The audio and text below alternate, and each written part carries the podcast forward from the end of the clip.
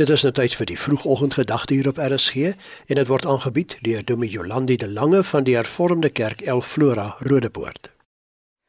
Goeiemôre luisteraar. Die woord soos word redelik algemeen gebruik in alledaagse gesprekke. Die taalkundiges onder ons noem dit 'n koppelwerkwoord of 'n tweede naamval. Maar dink bietjie aan hierdie klein woordjie en die enorme rol wat dit vertolk in die Ons Vader gebed. Deur die Ons Vader gebed vind ons gedurig troos in die wete dat God 'n God van genade is. Dat God 'n God is wat ons vergewe. Ons ken meeste van die woorde so goed. Ons sê dit herhaaldelik vir mekaar en vir onsself. Soveel sodat ons soms afgestomp raak vir hierdie woorde. Vergeef ons ons oortredinge, soos ons ook die vergewe wat teen ons oortree. En dan lees ons die woordjie soos. Ewe skielik kry hierdie bekende versie vir ons nuwe betekenis. Want ons vra God om ons te vergewe soos ons ander vergewe. Ek weet nie van jou nie, maar hierdie gedagte laat my hart vinniger klop. Want ewe skielik besef ek dat ek daardie kollega wat my lewe hel maak by die werk, moet vergewe. Ek besef ek moet die persoon wat my kind, my man, my vrou, my ouers of myself seer gemaak het, vergewe. Daardie woorde wat so diep sny dat dit jare later nog steeds seer maak, net om daaraan te dink. Daardie optrede, meestal doelbewus, wat my verwond het, het sy fisies of emosioneel.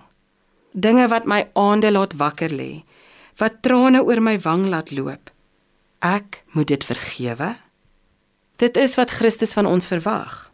Ons vra God om ons te vergewe soos ons ander vergewe. Daardie een woordjie gee 'n heel ander betekenis aan die term vergifnis.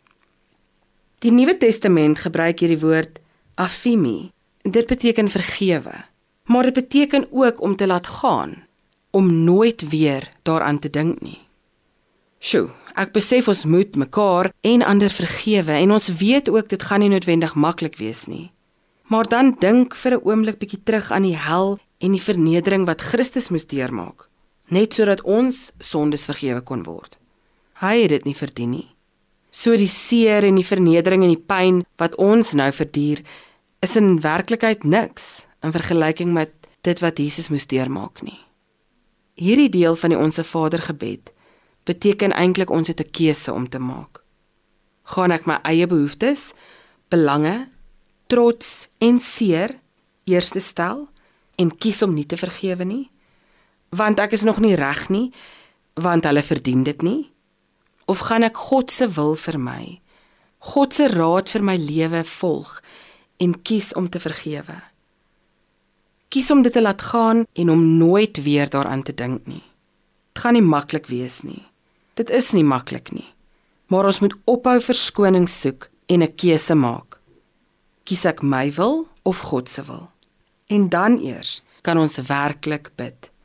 Here, vergeef ons ons oortredinge, soos ons ook die vergewe wat teen ons oortree. Amen. Dit was dan die vroegoggendgedagte hier op RSG, aangebied deur Dominee Jolandi de Lange van die Hervormde Kerk El Flora Rodepoort.